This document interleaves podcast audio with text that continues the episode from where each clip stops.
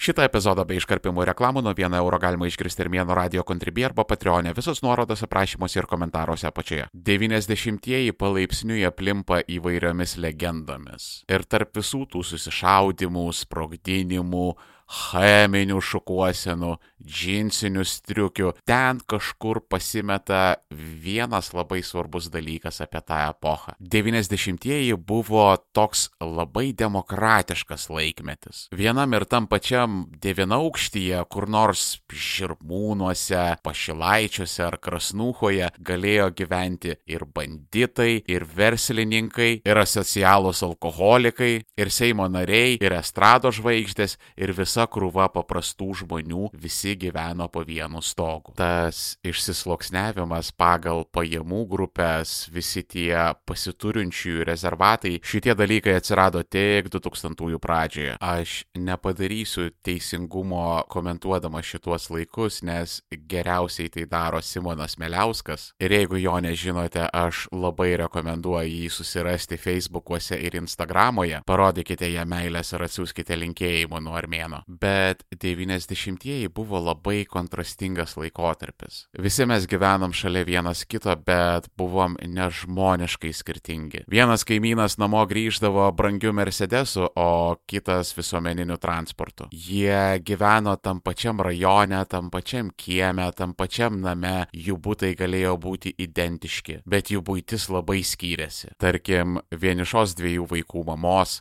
muzikos mokytojos, laukdavo kuklus postsovietinis butelis, o jos kaimyno bandito būtis buvo visai kitokia. Nesmė, kad būtas galėjo būti tokio paties išplanavimo, bet viduje dėjosi visai kitokie dalykai. Tai galėjo būti euro remontas, po japonišką televizorių, kiekvienam kambarį, su video magnetofonu, aš atsiprašau, ir mikrobangė, ir kavos aparatas, ir indaplovė dievė padėk, ir skalbyklė, ir džiovyklė, ir auklės ateina vaikus pažiūrėti ir namų tvarkytoja namus patvarkyt. Forma galėjo būti ta pati, bet turinys radikaliai kitoks. Bet kas juos vienijo, yra tai, ką jie valgė. Ir ant skurdo ribos gyvenanti pedagogė ir kioskus sprogdinantis gangsteris, jie abu du sėsdavo už savo stalų ir valgydavo lygiai tą patį. Nebuvo jokių bučerių, organiško, biodinaminio maisto, pamirškit visą tai. Skyrėsi nebent ingredientai. Mokytojukės kotletė iš didžiosios O galėjo būti daugiau batono. Pas banditą jisai galėjo būti iš veršienos, bet jie būtų valgę kotletus iš didžiosios O. Tie, kas iš seniau klausotės Armėno radio, žinote, kad aš esu iš mišrios šeimos. Ne visa Armėno kūryba yra internete. Prenumeruok Armėnas Ultra Armėno radio kontribį arba Patreonį ir kauk prieimą prie Armėno slėptuvės, kur guli visi klasikiniai Armėno radio epizodai. Visos nuorodos aprašymuose ir komentaruose apačioje. Mano mama lietuvė, o tėvas Armėnas. Aš esu gimęs, augęs Lietuvoje ir niekada nesijaučiau kažkuo išskirtinis. Taip mano seneliai gyveno Kaukazė, taip aš ten turiu didelę giminę, taip aš galiu su savo tėvu kalbėtis kalba, kurios Lietuvoje beveik niekas nesupranta. Bet tuo pat metu viskas mano gyvenime ir mano draugų ar klasiokų gyvenime buvo tas pats. Aš būdavau pas juos namuose, aš matydavau tą pačią posovietinę būtį, tuos pačius posovietinius tėvus su tais pačiais posovietiniais darbais, kurie žiūrėjo tą pačią posovietinę televiziją. Bet panašumai baigdavosi tą pačią akimirką, kada jų mamos kviesdavo mane prie stalo. Mano mama labai neblogai perprato armėnišką virtuvę ir namuose visada būdavo rytietiško maisto. Kada jūs valgydavot barščius, mes srėbdavom hašlama. Kada jūs viniodavot balandėlius, mes mes sukdavom dolma. Kada jūs su visa šeima ir artimaisiais kartu kepdavot kūgelį arba virdavot cepelinus, mes krūdindavom šašlą. Ir kada vaikystėje aš valgydavau svečiuose arba mokyklos valgykloje, visada tas būdavo, o tai O skonis kada bus? Patinka kiksmažodžiai, prenumeruok Armėnas Plus tik už vieną eurą į mėnesį Armėno radio kontribį arba Patreonį ir klausyk epizodo be šitų reklamų ir iškarpimų visos nuorodos aprašymuose ir komentaruose apačioje. Todėl, kad it's true, baltų žmonių maistas neturi skonio, aš atsiprašau, aš labai atsiprašau, bet nu tai yra absoliuti tiesa. Žinot, yra ta bulvių ir pomidorų linija ir visi kaip aš iš pomidorų linijos, to jau pat sutiks su manim komentaruose. Beje, visada pasijausdavo, kada klasioko ar draugų mamos būdavo ukrainietės. Iškart maiste atsirasdavo cinkelis, kažkokia gyvybė. Nuo vieno kasnio iškart būdavo trrrr, štibidį dop, dop, dop, dop, yes, yes, yes, yes. Šito bairio niekas nesupras jau sekančiais metais. Dėl to, kad Ukraina visada stovėdavo apžergusi tą civilizacinę bulvių pomidorų liniją. Aš labai rekomenduočiau tą šalį aplankyti ir patiems įsitikinti, bet šiuo metu tenais vyksta baisus karas. Olegas Šurajevas ir jo vienas K paramos fondas daro viską, kad kuo daugiau okupantų sudegtų gyvi savo tankuose. Per metus savo veiklos mes beveik priartėjome prie 4 milijonų jūsų saukotų eurų, kuriuos mes pavertėme į prieš mirtį desperatiškai žviegiančius orkus. Prisidėkite prie pasaulinių pedo satanistų ir jūs. donate.onekfund.org arba nuorodos aprašymuose ir komentaruose apačioje. Vienas K paramos fondas visiems jūsų nacistinės rusofobijos poreikiams.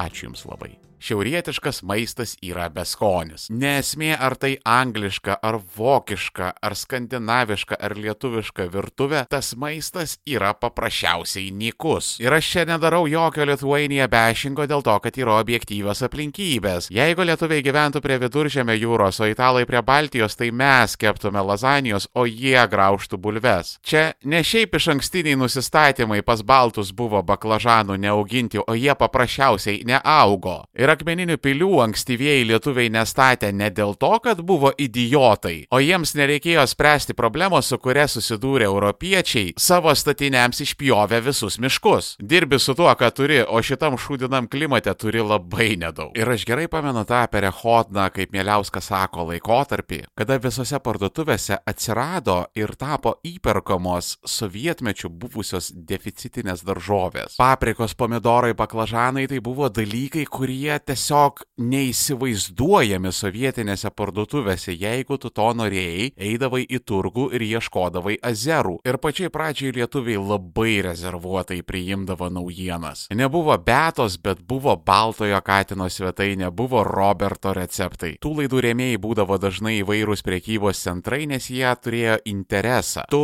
negali tiesiog atvežti naują produktą, naują daržovę, dėti ją į priekystalį ir tikėtis, kad ją ครับ pirks. Žmonės pradžioje turėtų suprasti, kas tai yra, ką su tuo galima padaryti ir tik susipažinę jie norės pirkti tą daiktą. Bet kaip ir krikščionybė, visokia egzotika pas lietuvius gyjo ilgai ir sunkiai. Tarkim, būdavo kokios šeimininkutės pasigamindavo baklažanų suktinukų. Nu jau ir aikčiodavo visi, o Jėzus Marija, kaip įdomu, kaip netikėta. O mano šeima sėdėdavo tokie visi su bitch please veido išraiškom ir mandagiai bandydavo neparodyti, kad viskas jau tai šimtą kartų matyta, ragauta, bandyta, girdėta, užuosta. Ir net eksperimentuodami lietuviai kažkaip nepaleisdavo tradicijų. Pavyzdžiui, tuos pačius baklažanų suktinukus pabarstydavo krapais. Kur, a, a, motin, ne, ne, ne, čia krapui ne vieta. Petražoliai galbūt, kalendrai, o taip. Aš nepilu graikiškų riešutų į šaltybaršius ir prašom su savo tais krapais nelysti man į baklažaną. Baltų žmonių šašlas visada būdavo išbandymas. Visų pirma, visiems atrodydavo nuostabi idėja jį gaminti iš kumpio, kur Čia kulinarijos pagrindai. Kumpio mėsa gali būti naudojama tik tai troškinimui arba vytinimui, barbekių tai absoliučiai netinka. Kodėl jūs einate prieš gamtą ir dievą? Ir tas kumpis išmarinuotas kažkokia majonezė, su actu ir vynu ir tu galvoji, bl...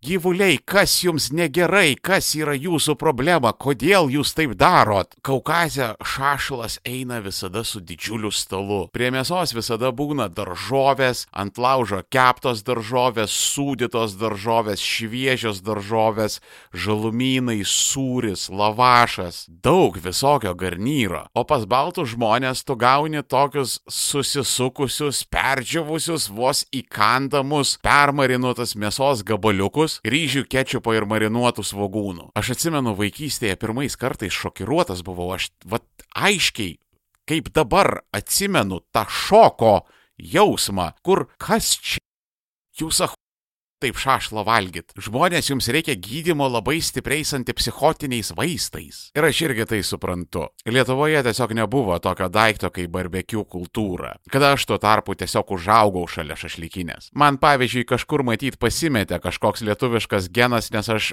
visiškai nemoku elgtis su bulvių masė, nors esu diplomuotas vyrėjas jūsų žiniai ir techniškai sugebu pagaminti kugelį, viedarą arba cepeliną, bet man tai nesiseka. Bet dainos žodžių neištrauksi, balti žmonės nemoka barbekių. Aš matau, kaip jūs didžiuojatės, kada galite iškepti sultingą šašlą ir aš toks seniai Armenijoje, kiekvienas gatvėje sutiktas žmogus tau iškeps minkštutėlį, švelnutėlį, burnoje tirpstantį šašlą. Ten tai yra bazinis minimumas. Ir viskas be tų jūsų kamadų. Vat kada Kaukazė kažkas gerai kepa šašlą, jūs net negalite pradėti įsivaizduoti, ką tai reiškia. Toks šašlas yra kaip Dievo sperma tavo burnoje. Tai yra gerų kokybiškų ratų orgasmas. Kada tau pusę valandos zvimbia ausyse. Va tai va reiškia gerą šašlą. Ir turiu pripažinti, kad lietuvių barbekių skilsai tikrai pagerėjo. Žmonės jau ir sprandinę atradę, daržovę nebebijo ant laužo užmest, outside juodųjų pipirų ir lauro lapų prieskonius naudoja. Balti žmonės tikrai vejasi civilizuotą pasaulį. Bet dienos pabaigoje,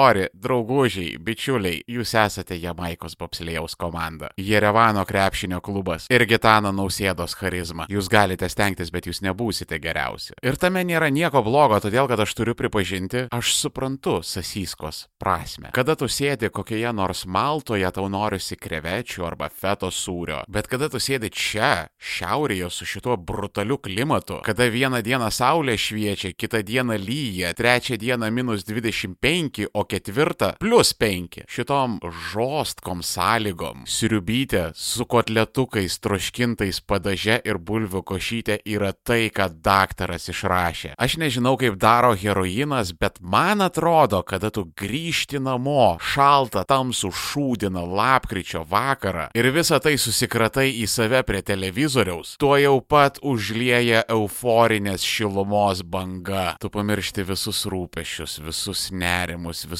debilus bendradarbius ir abuserius bosus. Tu išsitesi fotelyje ir stiklinėmis akimis išeini į zen žiūrėdamas tavo pagalbą. Mes pietuose turim skonius, spalvas ir kvapus, bet šito pas mus nėra. Todėl, kad tik tai baltų žmonių maistas pamaitina ir nuskausmina. O kitą kartą galbūt aš padėsiu jaunimui save nusiskausminti. Noriu pakalbėti apie ko gero vieną svarbiausių savo pamokų, kurias išėjau per savo gyvenimą. Jeigu nenori laukti ištisos savaitės, epizodas jau guli Armėno radio kontribį arba Patreonė, prenumeruok Armėnas Pro ir klausyk visų epizodų iš anksto. Viso labo 499 į mėnesį. Visos nuorodos aprašymuose ir komentaruose apačioje. O šiandien tiek. Ir iki kito.